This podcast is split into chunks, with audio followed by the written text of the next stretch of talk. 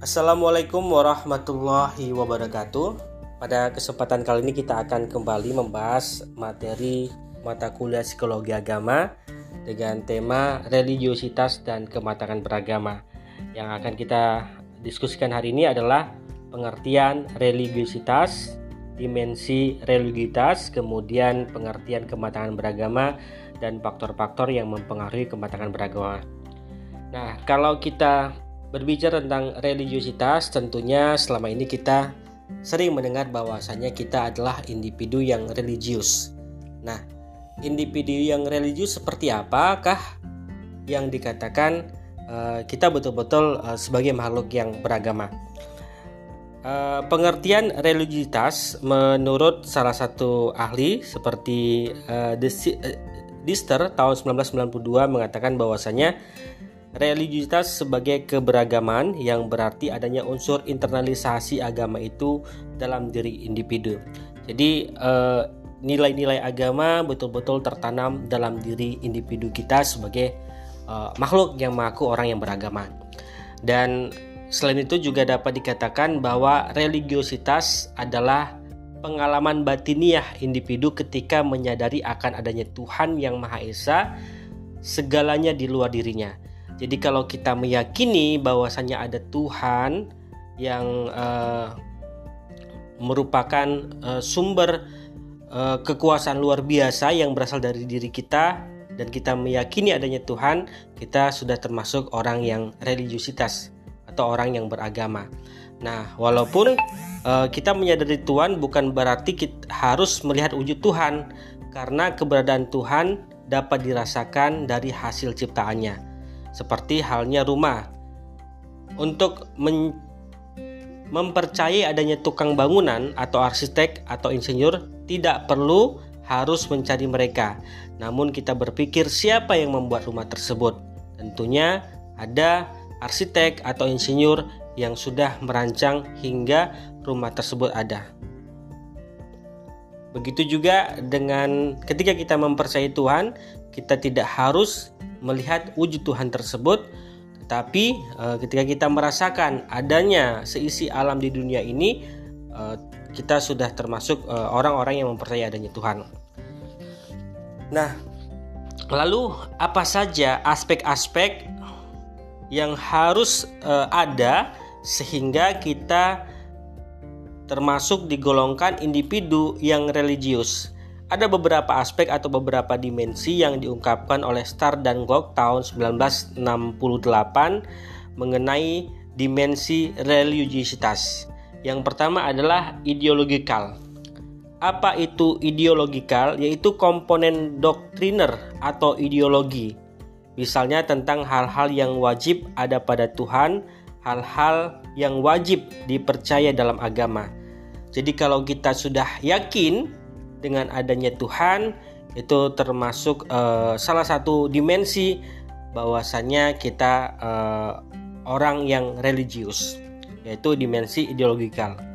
Kemudian apa dimensi yang kedua? Dimensi yang kedua adalah intelektual yaitu dimensi religiositas yang mencakup pengetahuan keagamaan. Jadi kita harus mengetahui uh, pengetahuan keagamaan. Misalnya kalau dalam Islam ya kita tahu ilmu tentang uh, dalam Islam itu ada ilmu tauhid, ada akidah, ada akhlak, ada ibadah, ada muamalah dan sebagainya. Kemudian dimensi yang ketiga adalah dimensi ritualistik, yaitu komponen praktis yang memuat ibadah-ibadah yang diwajibkan. Ya. Jadi sebagai orang yang beragama, orang yang religi religiusitas, kita bukan hanya yakin adanya Tuhan, kita bukan hanya uh, mengetahui pengetahuan agama, tetapi ada ritual yang kita lakukan, yaitu kita melakukan ibadah-ibadah yang diwajibkan. Dalam Islam misalnya kita harus sholat, zakat, puasa, dan sebagainya, serta ibadah-ibadah lainnya. Kemudian dimensi berikutnya adalah dimensi eksperiental, yaitu komponen perasaan yang mencakup perasaan sebagai dampak dari beragama dan menjalankan peribadatan. Nah, setelah kita percaya adanya Tuhan, setelah kita e, mengetahui pengetahuan tentang agama, kemudian kita sudah menjalankan e, ritual keagamaan, peribadatan yang kita lakukan, apa perasaan yang kita lakukan setelah kita melakukan ibadah tersebut. Setelah sholat ada perasaan tenang, setelah berdoa ada perasaan lega, ada kepasrahan di sana dan sebagainya. Jadi ada pengalaman-pengalaman yang kita rasakan setelah kita melakukan ibadah. Dan dimensi yang terakhir adalah uh, dimensi konsekuensial. Yaitu dimensi konsekuensi itu di mana uh, dimensi religiusitas yang berupa moral perilaku sebagai dampak dari rasa beragama. Nah, perilaku kita seperti apa ketika kita sudah melakukan hmm, uh, aktivitas-aktivitas keagamaan. Apakah kita masih melakukan tindakan korupsi? Apakah kita masih mau melakukan tindakan-tindakan kejahatan? Karena seyogianya ketika kita sudah menjalankan dimensi keagamaan tadi, ada dampak perilaku yang lebih baik yang diharapkan. Jadi eh, orang-orang yang religius adalah orang-orang yang eh, memiliki aspek religiusitas yang lima tadi. Yang pertama ideologikal, kemudian intelektual, kemudian ritualistik, eksperimental, dan dimensi konsekuensial. Nah, eh, orang-orang atau individu yang sudah religius, yang sudah mempercayai adanya Tuhan, belum tentu mereka matang dalam beragama. Nah, kita uh, semua percaya adanya Tuhan. Kita semua yakin adanya Tuhan.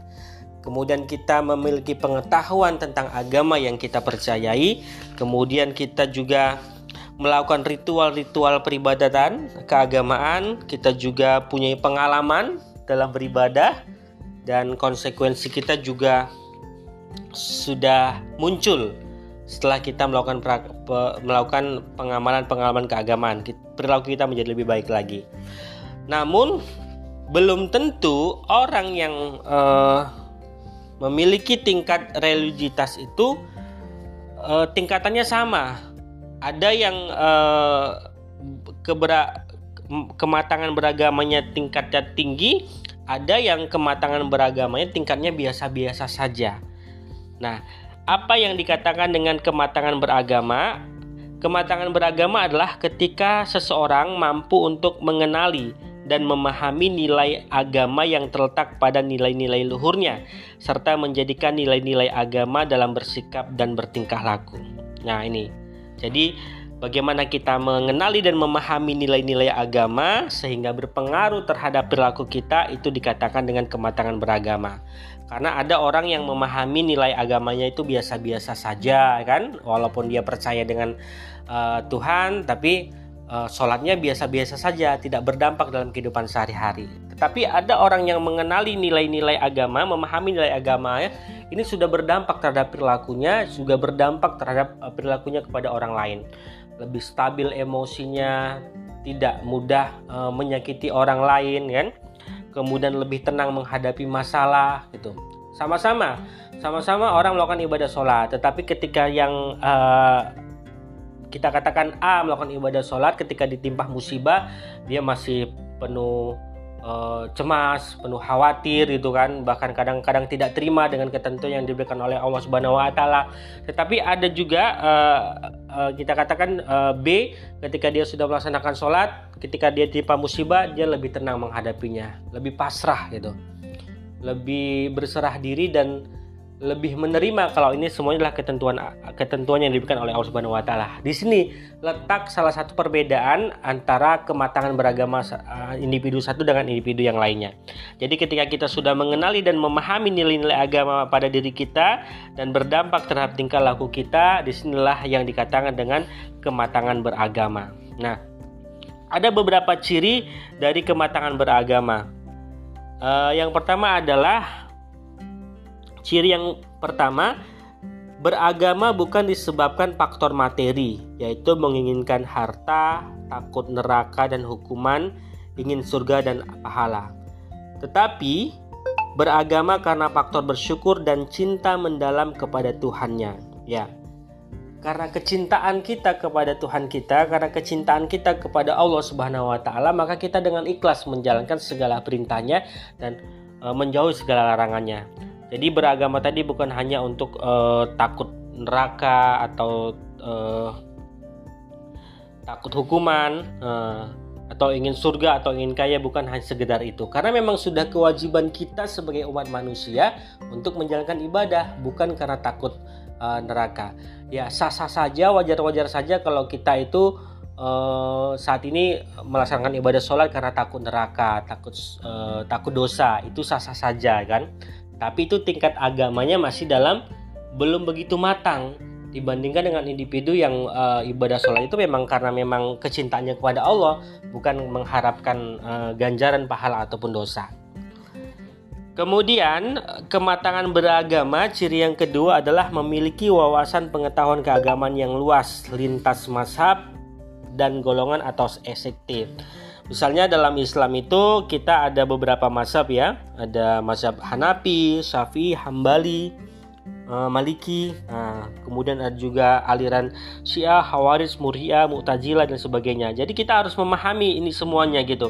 Supaya apa? Supaya ketika kita berbeda dengan mazhab orang lain, ketika berbeda dengan aliran lain kita tetap tetap memahami, tidak memaksakan kehendak kita itu ciri orang yang ber, matang beragama tidak memaksakan kehendaknya gitu. Walaupun kita berbeda mazhab atau berbeda pandangan. Begitu juga dalam agama Kristen atau Katolik juga ada beberapa aliran ya. Ada aliran uh, Timur ada gereja Ortodok Oriental ada gereja Anglingan dan beberapa aliran lainnya dalam uh, agama Nasrani. Jadi ketika berbeda aliran itu kita tidak boleh memaksakan kehendak kita. Kita hanya mengetahui wawasan uh, perbedaan mazhab tersebut, tapi tidak boleh memaksakan orang lain harus sesuai dengan mazhab kita. Kemudian ciri yang ketiga adalah memiliki sikap yang moderat dan berperilaku ba baik. Ciri kematangan beragama ini sebagai konsekuensi logis dari optimalnya fungsi dimensi religiusitas yang berupa dimensi ritualistik sehingga melahirkan dimensi etik ya. Jadi kita uh, moderat itu kita lebih menghargai, uh, menghormati orang lain tanpa memaksakan kehendak kita ya. Sama seperti yang poin B tadi. Kemudian ciri kematangan beragama yang berikutnya adalah adanya dorongan internal untuk semakin memperdalam ajaran keagamaan ya kita semakin lagi ingin mencari tahu lagi ilmu-ilmu keagamaan kita. Ya ingin menambah ilmu pikih kita ingin menambah ilmu tafsir kita akhlak kita terus kita haus akan ilmu-ilmu keagamaan. Karena itu bisa berdampak terhadap uh, perilaku kita sehari-hari dan bisa meningkatkan kualitas ibadah kita walaupun kita terus uh, berusaha untuk uh, semakin memperdalam ajaran agama kita, kita tidak boleh mengabaikan aktivitas kita dunia. Kita harus tetap bekerja, tetap menghidupi keluarga, karena itu juga bagian daripada ibadah.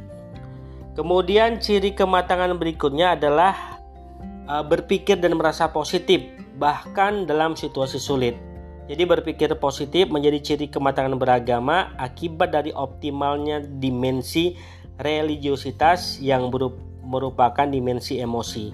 Jadi berpikir positif ini e, merupakan wujud dalam sikap merasakan kedekatan antara dirinya dengan Tuhannya sehingga yakin penuh bahwa Tuhan selalu ada untuk membantu kesulitan hidup hambanya. Jadi apa pun ketentuan Allah yang diberikan baik yang baik dan buruk dia tetap berpikir positif kalau di sini semuanya ada hikmah yang bisa diambil ya. Jadi kalau orang yang kematangan beragamanya masih biasa-biasa saja dikasih sedikit cobaan sudah mengeluh gitu. Hmm, misalnya uh, Anda naik sepeda motor ya kan, kemudian di tengah jalan sepeda motor Anda bocor lalu Anda mengeluh, aduh sial nih hari ini hari yang sial bagi aku gitu kan ya. Jadi uh, itu termasuk ciri uh, kematangan beragamanya belum matang gitu. Tapi kalau orang yang ketika ditimpa musibah naik sepeda motor sepeda motornya itu bocor di tengah jalan dia ambil hikmahnya. Wah ini ada ketentuan dari Allah. Mungkin selama ini uh, saya kurang olahraga jadi ini perlu olahraga untuk mendorong sepeda motor sampai ketemu tukang tambal ban. Nah sampai ke, di, ketemu tambal ban kemudian hmm, anda harus membayar setelah selesai ditambal bannya ini merupakan hari ini aku harus berbagi rezeki nih sama tukang tambal ban gitu kan. Mungkin selama ini saya kurang sedekah. Jadi kita selalu berpikir positif dengan ketentuan uh, yang terjadi uh, dengan kita. Jadi itu kawan-kawan adalah uh, pengertian dari religiositas. Jadi setiap orang yang uh, mengakui adanya Tuhan percaya adanya Tuhan itu adalah orang atau individu yang religius. Tetapi uh, tingkat religitas orang itu berbeda-beda, kematangan beragama orang itu berbeda-beda. Ada yang betul-betul uh, percaya dengan ini Tuhan, ada yang biasa-biasa saja dan nilai-nilai uh, keagamaan tadi berpengaruh terhadap kehidupan sehari-hari, perilakunya lebih baik, tapi ada juga orang yang beribadah tidak ada uh, memberikan pengaruh atau dampak uh, terhadap kehidupan sehari-hari. Uh, terima kasih, semoga dapat dipahami. Bila topik hidayah, wassalamualaikum warahmatullahi wabarakatuh.